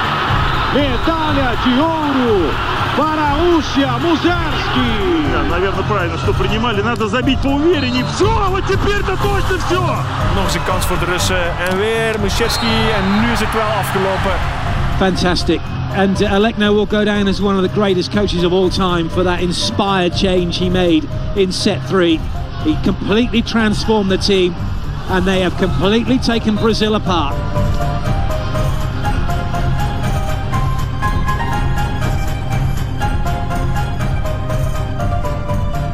Ja, de commentatoren hadden het allemaal goed begrepen, hè? Ja, Tactische ingreep, ja. was een fantastische wedstrijd. Dat eh, is integraal te zien op YouTube. Als je Ja. eh, zin hebt in een, eh, een leuke volleybalmatch. En je hebt wat tijd, een en- vijfzetter. Ja, ja, dat was... ja, je zal maar Olympisch kampioen worden in volleybal. Dat lijkt mij... ehm, ik was met mijn vrienden in Brazilië, daar hebben we wel de finale gezien, in, in Rio. Hebben we de finale van het volleybal gezien, gewonnen door Brazilië. David, dat hou je niet voor mogelijk. Daar zitten daar, ik gok, 17.000 mensen of zo in zo'n volleybaltempel. En bij de medailleuitreiking komen daar drie van die hele lange podia staan, want er moet dan een heel team op eh, met twaalf mensen. Die krijgen hun medaille. En dan zag je, wij stonden aan de achterkant van waar de team stonden. Gelukkig zijn er dan camera's en schermen. En tijdens het nationale volkslied van Brazilië, Goh, ik krijg kippenvel als ik het vertel. Dan ging de camera in close-up langsheen al die hoofden van de spelers van Brazilië. Dat zijn allemaal, volleybal is geen rijke sport, maar de absolute toppers die, die verdienen zeer goed hun boterham. Dus dat zijn allemaal sporters die ja, voor het geld. Ik kan niet zeggen dat die mannen zo binnen zijn als wat, maar die volleyballen niet voor het geld. Die verdienen echt heel goed hun boterham bij de clubs waar ze spelen. Maar daar zag je al die spelers, reserves, de, de topspelers, de coaches, die zag je allemaal met de hand op het hart het Braziliaans volkslied zingen. Met tranen in de ogen, met het publiek aan het huilen. Dat was een soort. Ja, ik, ik kan het moeilijk omschrijven, want het was heel mooi om mee te maken. Ik heb daar zoveel tranen gezien en mensen die het hoogst mogelijke bereikt hebben. Daarvoor ook mijn, mijn onwaarschijnlijk respect en bewondering voor dat Nederlands team dat in Atlanta dat gedaan heeft. In die sport Olympisch kampioen, kampioen worden is zodanig moeilijk. En als je het dan in Brazilië doet, wat ook een beetje de, de hoofdstad van het volleybal is, eh, en dan in eigen land de, de Olympisch goud winnen, ja, dat was waanzin. Dat is de magie van de Olympische Spelen. Sportza Retro. Mijn gast is nog altijd Chris Wouters. En Chris, jouw derde archieffragment dat komt ook uit de Olympische Spelen, maar dan uit de atletiek. Dat doet mij veel plezier als atletiekverslaggever. Vertel, wat eh, heb je gekozen? Ik wilde eigenlijk wat Belgen kiezen, maar eh, Fredje was al gekozen en Tia was al gekozen. Maar we hebben een brede blik, hè. We, hebben een brede verder blik. dan België. De schande van de- voor de eeuwen van de Olympische Spelen is toch de 4x100 eh, bij de meisjes. Dat, dat, In Peking 2008. dat het hen ontzegd is om daar op het hoogste schavotje naar de Brabançon te luisteren. Daar, daar kan ik nu nog altijd kwaad om worden. Ik, vind, dat, ik vind dat echt... Dat vind ik echt... En vreemd genoeg zijn de meisjes zelf, die hebben daar een soort vrede mee van... Ja, we hebben daar gestaan en we stonden op het podium. En, maar uiteindelijk... Ja, maar het is nog iets anders als de Brabançon spelen. weer klinkt. Ja, dat is ook. toch niet te geloven. Hè. Nee. Maar goed, ik heb uiteindelijk dan Usain Bolt gekozen. Mhm. Ehm, ja, we hebben die zien lopen in Beijing. Ehm, helaas niet de finale, want die tickets waren gewoon niet te betalen. Maar wij hadden een van de eerste atletiekdagen toen eh, de reeksen van de 100 meter waren. En we zaten helemaal boven in het stadion, in de, de bovenste ring van het fantastische vogelneststadion. En Usain Bolt die kwam, even, die kwam even de reeksen lopen. En dat ging als volgt. Hij eh, was super ontspannen. Als de, als de atleten in beeld kwamen voor de start, dan deed hij zo zijn bekende eh, lightning bolt. En ja, dan ging hij in de startblokken zitten. Die liep 50 meter en dan liep die uit. En dan stond er, ik denk, 9,82 of zo op de tabel. en je zag werkelijk, we zaten ongeveer aan het punt van de 50, 60 meter. Daar, daar stopte die echt met, met aanzetten. Je zag echt gewoon die lange benen en die liep gewoon... Die man heeft zo'n snelheid. Als die op topsnelheid komt, zelfs al geeft hij niks meer bij. Die blijft gewoon belachelijk krap lopen. Hè. Dat, dat was heerlijk om te zien, Usain Bolt. En natuurlijk heeft hij daar eh, ja, twee keer goud gewonnen. Met twee wereldrecords dan nog. Hij heeft hij dan daarna in Berlijn nog scherper gezet. Klopt, eh, het beide wereldrecords. Ja. Maar ja, als je drie keer achter elkaar, zowel in de 100 als de 200 meter Olympisch kampioen wordt, op drie Olympische Spelen achter elkaar. Ehm, helaas was er dan een dopinggeval, anders was dat op de 4x100 ook nog gelukt. Ja. Het, is een ongelofelijke figuur, een zeer atypische sprinter, omdat hij veel te groot is. En al zijn trainers zeiden het zelf. Daarom heb ik ook voor de 200 meter gekozen, omdat dat is echt wel zijn beste afstand. Omdat de start daar iets minder van belang is, omdat je hebt 100 meter meer om dat terug in te halen. Want hij startte soms echt gelijk een pannenkoek. Hè. Ehm, Hoewel hij daar zonder twijfel hard aan werkte. Maar eens hij in dat ritme kwam, dat was verschroeiend. Hè? Dat- En een mooie loper. Echt een, en voor mij ook een, een eh, niet gedopeerde loper. Want dat is toch altijd een wolkje dat boven de, de spurters en, en de spurtnummers, ik zei het nog net, de, de, de 4x100 meisjes, die wolk hangt er toch altijd boven. Maar Usain Bolt die was 17 jaar en die liep al beneden de 20 seconden op de, op de 200 meter. Op je 17 hang je nog niet aan de, aan de steroïden of wat dan ook. Dat was gewoon een lange slungel die toevallig heel snel kon lopen. Wat een atleet. Eh, Heerlijk. En ook de, de, de losheid die hij geïntroduceerd heeft in bijvoorbeeld die momentjes voor de start, dat heb je de jaren daarna andere lopers ook zien toepassen. Dat, je moet niet echt kwaad kijken en in je focus ongelooflijk blijven. Enfin, je, hij zal wel in zijn focus hebben gebleven, maar dat hoeft niet door kwaad te zijn of door zich helemaal af te sluiten. Integendeel, die haalde zijn energie uit, uit de mensen, uit de toejuichingen die hij kreeg. Van een heerlijke atleet. Ja, en de wereld leerde hem voor het eerst echt kennen op die Olympische Spelen in Peking in 2008. Ik was daar zelf ook als radiocommentator, dat zul je horen, net als collega Chris Meerdes. Yesterday I was kind of worried because I was feeling a little bit tired. Al de commotie van de laatste dagen zal hij misschien ook mentaal wel niet meer zo fris zitten. Usain Bolt kan straks Carl Lewis opvolgen in de geschiedenisboeken. Als eerste man sinds 1984 die na de 100 meter ook de 200 meter Olympische sprint wint. Daar komt Usain Bolt als een pijl uit een boog. Snelt hij naar de overwinning. Nonchalant 9,68. Wereldrecord. Fantastische prestatie van een man die niet eens voluit ging. Bolt ging niet voluit in de finale van de 100 meter en ook in de reeksen, de kwartfinale en de halve finale van de 200 meter trok hij helemaal niet door. En daar kan Christophe Bijens over meespreken. Ah, ja, die was het, aan het freewheelen, laten we maar zeggen, een beetje aan het loslopen van de 100 meter. Dat is eh, onmotiverend als je daarnaast aan loopt. Dan denk je van waar zijn we nu in hemelsnaam mee bezig als je ziet hoe makkelijk dat hij loopt.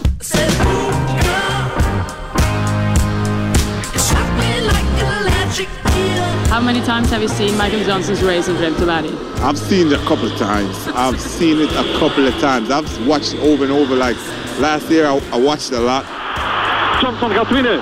Daar bestaat geen twijfel meer over. En met overwicht, met overmacht. Kijk eens aan.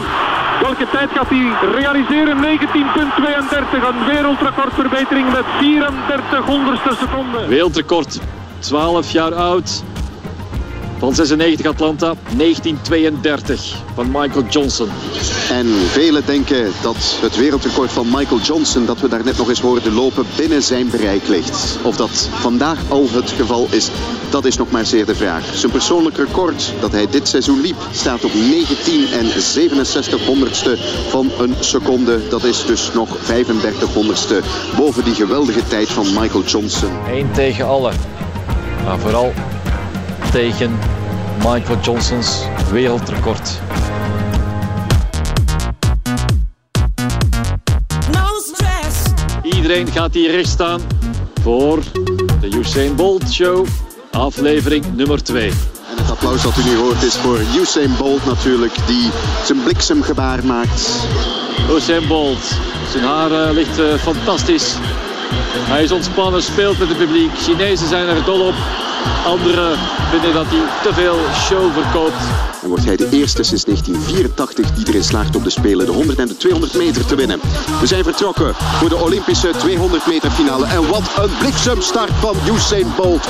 Ongelooflijk hoe hij tekeer gaat in de bocht. Die bocht gaat goed. Hij stormt naar de zegen. No stress. I came out, I was running, I came out straight and I was telling myself, just don't die, just don't die, just keep going, just keep pushing. Usain Bolt zal Olympisch kampioen gaan worden. Dat staat al heel lang vast. En hier komt hij over de finish in 1931. Een wereldrecord voor Usain Bolt. Keep telling myself, don't die, don't die, don't die, just keep it going.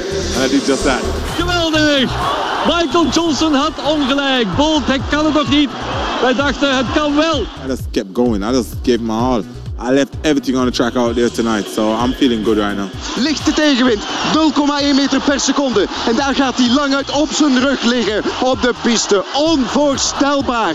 Hier wordt alweer geschiedenis geschreven op de Olympische Spelen van Peking. Usain Bolt. En wat een voorsprong op de rest van dat veld. Je houdt het niet voor mogelijk.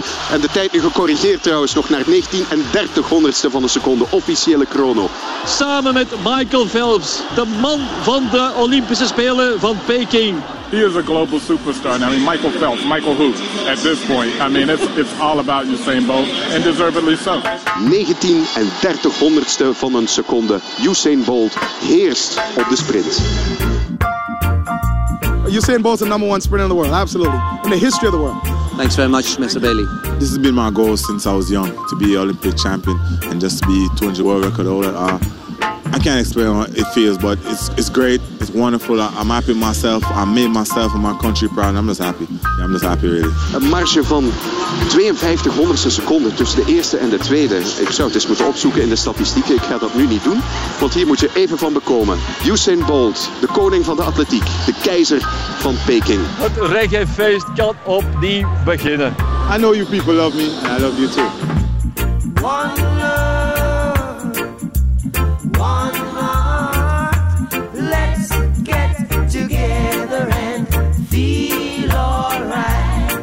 Ja, Chris, eh, de atletiek mist Usain Bolt, denk ik. Ja, heerlijk. Het is een zegen hè, voor een sport om dat soort figuren te hebben. Dat het was effectief een, een, een superster. Hè. Zijn attitude die zo open was naar de mensen, dat was, dat was fantastisch. Als je dat dan vergelijkt met Michael Johnson, die toch nog een beetje nors. Ja. Hebben ook een beetje een zuiniger stijl van lopen, zo wat achterover. En Bolt... Stroever zo, hè. Ja. Ja, Bolt liep echt gelijk die was, hè. uitbundig bijna. En, en mooi.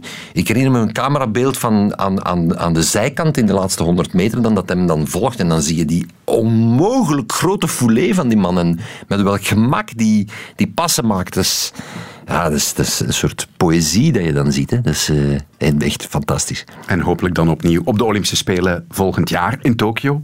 Met jou erbij? Eh, we gaan zeker. We, we wouden deze zomer gaan, maar eh, het is nu nog maar de vraag of dat volgend jaar gaat doorgaan, hè, David. Want eh, Ja. dat coronavirus is een wereldwijd ding. En, en ja, al die pandemieën of al die epidemieën liggen in elk werelddeel een beetje op een ander punt. En volgend jaar... We gaan het noodlot niet tarten. Nee, nee, we gaan hier hout vasthouden. Voilà. Chris, dankjewel dat je bij ons was. Dankjewel Ik heb voor eh, de genoten van je keuzes. Het was eh, heel aangenaam en het uur is voorbij gevlogen. Zo hebben we dat. Tot een volgende keer. Dank je.